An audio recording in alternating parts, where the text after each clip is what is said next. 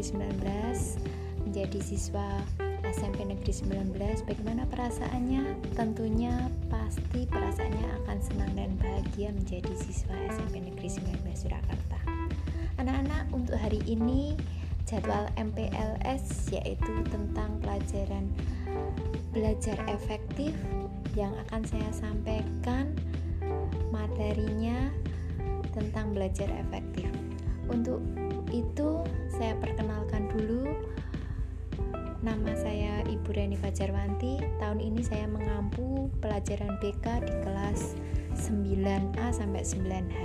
Walaupun nanti tidak ada jam di kelas 7, tidak ada salahnya saya memperkenalkan diri.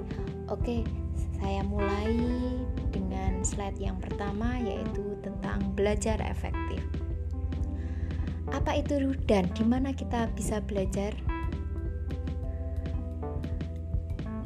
Tentunya kita bisa belajar di mana pun kita berada. Misalkan bisa di rumah, bisa di bimbingan belajar, bisa belajar melalui sosial media, bisa belajar dengan teman-teman, bisa belajar di perpustakaan, dan bisa belajar di sekolah.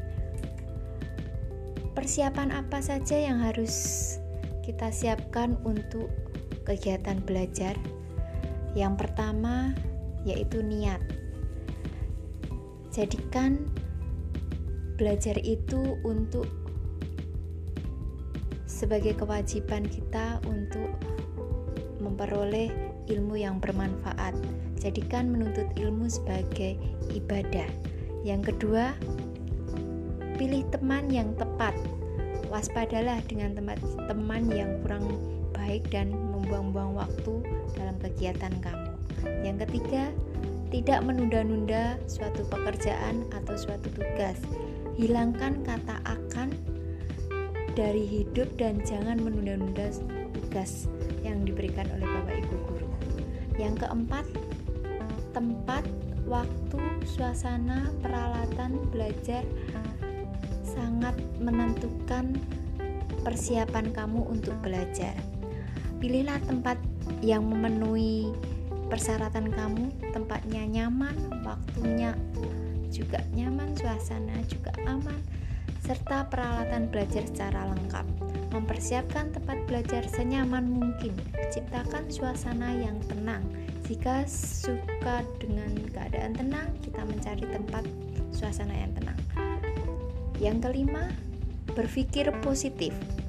Waspadalah dengan pikiran negatif seperti aku gagal atau pelajarannya sangat sulit. Jangan sampai ada kata-kata kata-kata seperti itu di dalam hati kita. Karena apa? Karena nanti kalau sudah ada pikiran yang negatif, apa pun yang kita lakukan akan ragu-ragu, tidak akan percaya diri. Yang terakhir yaitu percaya dengan kemampuan diri sendiri. Maaf, yang keenam yaitu percaya dengan kemampuan diri sendiri. Percayalah dengan anugerah Allah dan lakukan hal-hal yang dapat mendatangkan anugerahnya. Kita tunjukkan bahwa kita mempunyai kemampuan. Yang ketujuh, siapkan makanan ringan agar tidak mudah bosan. Yang kedelapan, jika sudah jenuh sebaiknya lakukan hal yang yang kamu sukai. Slide yang berikutnya yaitu strategi belajar efektif.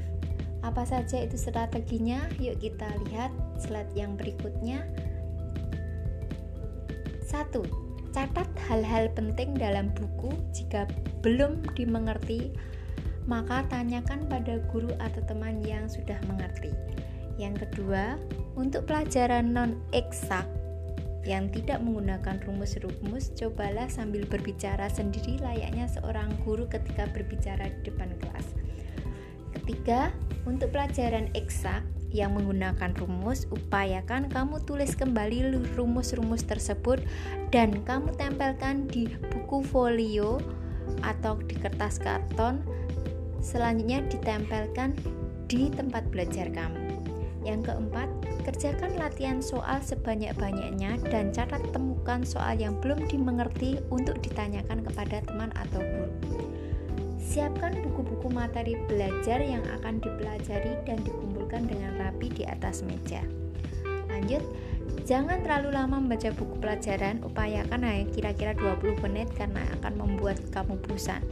Pahami setiap alinea materi yang dipelajari. Selanjutnya, seringlah mendiskusikan atau menanyakan materi pelajaran baik dengan teman maupun guru.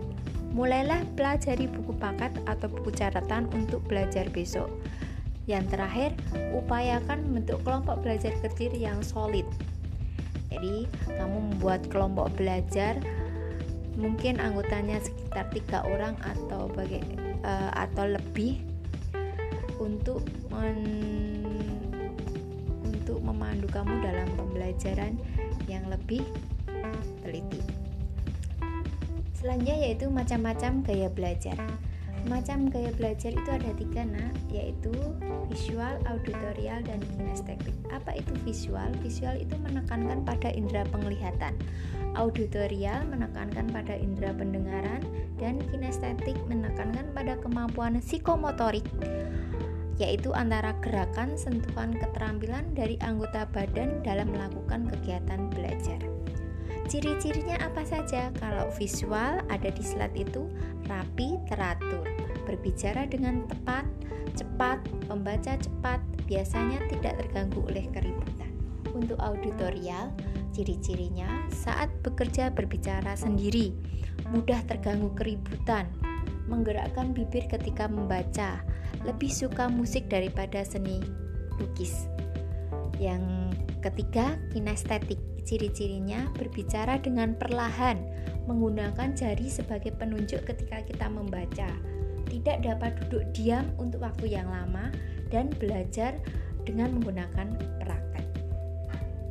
Slide berikutnya yaitu prinsip dalam belajar. Apa itu prinsip dalam belajar? Yang pertama, mengenali bentuk apa yang menarik untuk kita.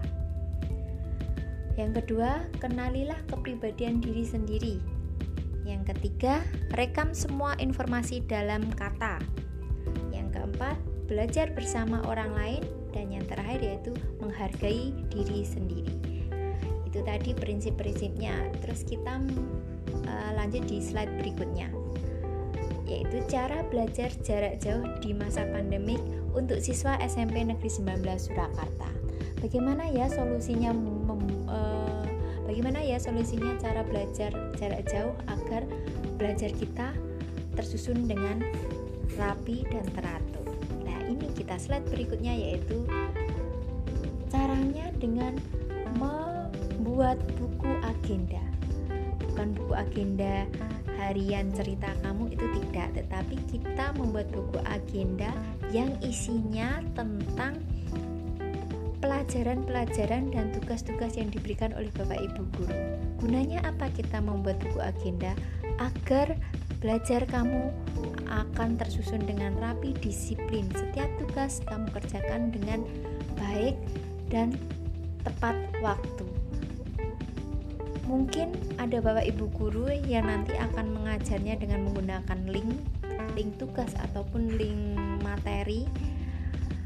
Jika ada Bapak Ibu guru yang menggunakan link, tuliskan link itu di buku agenda. Jadi apa pun yang kamu lakukan tulis di buku agenda. Karena mensiasati jika HP kamu full, HP kamu penuh, kamu terus kamu delete sehingga kan semuanya akan hilang. Dengan menuliskan di buku agenda, catatan-catatan, link-link dan tugas semuanya yang diberikan Bapak Ibu guru akan tersimpan rapi. Bu, bagaimana Bu e, contoh buku agendanya itu sudah ada di slide-nya Bu Reni. Kamu lihat contoh buku agenda. Kamu e, buat uh, tabel seperti yang ada slide itu ada nomor hari tanggal pembelajaran jadwal pelajaran kegiatan pembelajaran keterangan tugas dan keterangan link. Hari tanggal pembelajaran sudah jelas. Jadwal pelajaran kamu tulis jadwal pelajaran itu hari Selasa itu. Kamu tulis itu sudah ada contohnya di situ. Kegiatan pembelajaran Matematika misalkan, kegiatannya mengenal bangun ruang. Keterangan tugasnya apa? Mengerjakan tugas yang ada di link. Keterangan link kamu tulis seperti itu.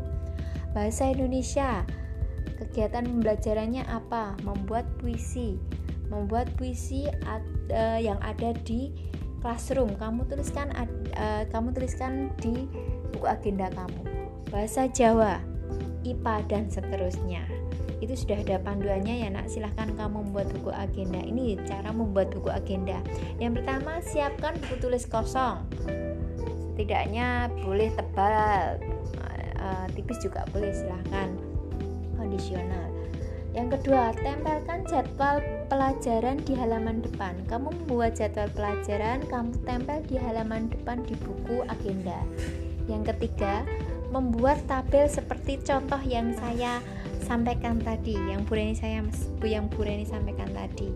Yang keempat setiap hari buku agenda dipersiapkan dibuat dan diisi sesuai jadwal. Jadi setiap hari sebelum PJJ berlangsung kamu siapkan peralatan termasuk buku agenda. Menuliskan semua tugas di buku agenda sehingga tidak ada tugas yang lupa dan yang terakhir memberi gambar yang menarik ke buku di buku agenda biar buku agenda kamu terlihat cantik sehingga kamu tidak mem, tidak bosan memandang buku agenda buku agenda kamu itu ya tadi solusi untuk belajar PJJ sehingga pelajaran kamu tersusun dengan. Dan yang terakhir ini harus saya sampaikan tentang kegiatan belajar dan tata tertib dalam PJJ. PJJ itu pelajaran jarak jauh ya nak ya. Yang pertama, menuliskan dan menempel jadwal pelajaran di kamar sehingga kamu tidak akan lupa, oh ini hari ini pelajaran apa. Yang kedua, mempersiapkan peralatan belajar sesuai jadwal.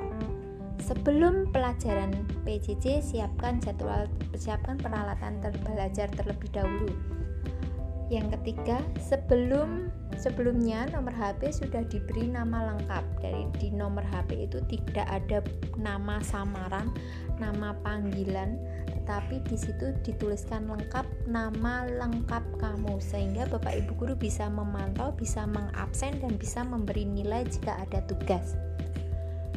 Keempat, siap siap di depan laptop, HP pukul 7 sudah dalam keadaan mandi, makan, dan berpakaian rapi. Kenapa seperti itu? Karena kalau kamu sudah keadaan rapi, kondisi kamu rapi, kondisi kamu sudah uh, berpakaian rapi, kamu akan bisa me, uh, bisa menerima pelajaran dengan baik. Itu sangat mempengaruhi, ya, anak ya. Terus yang kelima, mengikuti PJJ dengan tertib sampai selesai. Kita PJJ mulai jam 7 sampai jam 10.20. Jadi tidak ada anak yang bermain di saat jam-jam tersebut karena kita PJJ. Yang keenam, mengerjakan tugas dari Bapak Ibu guru tepat waktu dan tidak menunda-nunda. Yang terakhir, jika belum paham materinya, tugasnya, silahkan kamu bertanya dengan Bapak Ibu Guru. Jangan ragu-ragu melalui WhatsApp atau Japri Bapak Ibu Guru yang mengajar dengan bahasa catatannya dengan bahasa yang baik dan sopan. Misalkan diawali Assalamualaikum Ibu, nama saya Reni kelas 7C. Maaf Ibu, saya ingin bertanya tentang bla bla bla bla. Seperti itu ya, Nak. Karena apa? Karena kita tetap uh, belajar seperti kita belajar tatap muka sehingga apa pun yang kita sampaikan harus dengan sopan itu tadi materi dari Bu Reni tentang belajar efektif silahkan kamu buka slide-nya kalau seandainya ini yang saya sampaikan sampaikan kurang jelas di situ sudah sudah saya tuliskan sesuai apa yang saya sampaikan dan jangan lupa buku agenda kamu buat di awal nanti pelajaran baru yaitu pada hari Senin minggu depan. Jadi kamu buat, kamu tulis dan kamu isi sehingga belajar PJJ kamu nanti akan tersusun dengan rapi, disiplin dan menyenangkan. Mungkin itu yang bisa Ibu Reni sampaikan. Jangan lupa tata tertib tadi dilaksanakan. Mungkin ada salah kata dari Ibu Reni, saya mohon maaf. Wassalamualaikum warahmatullahi wabarakatuh. Terima kasih, salam sehat, semangat, dan selalu bahagia.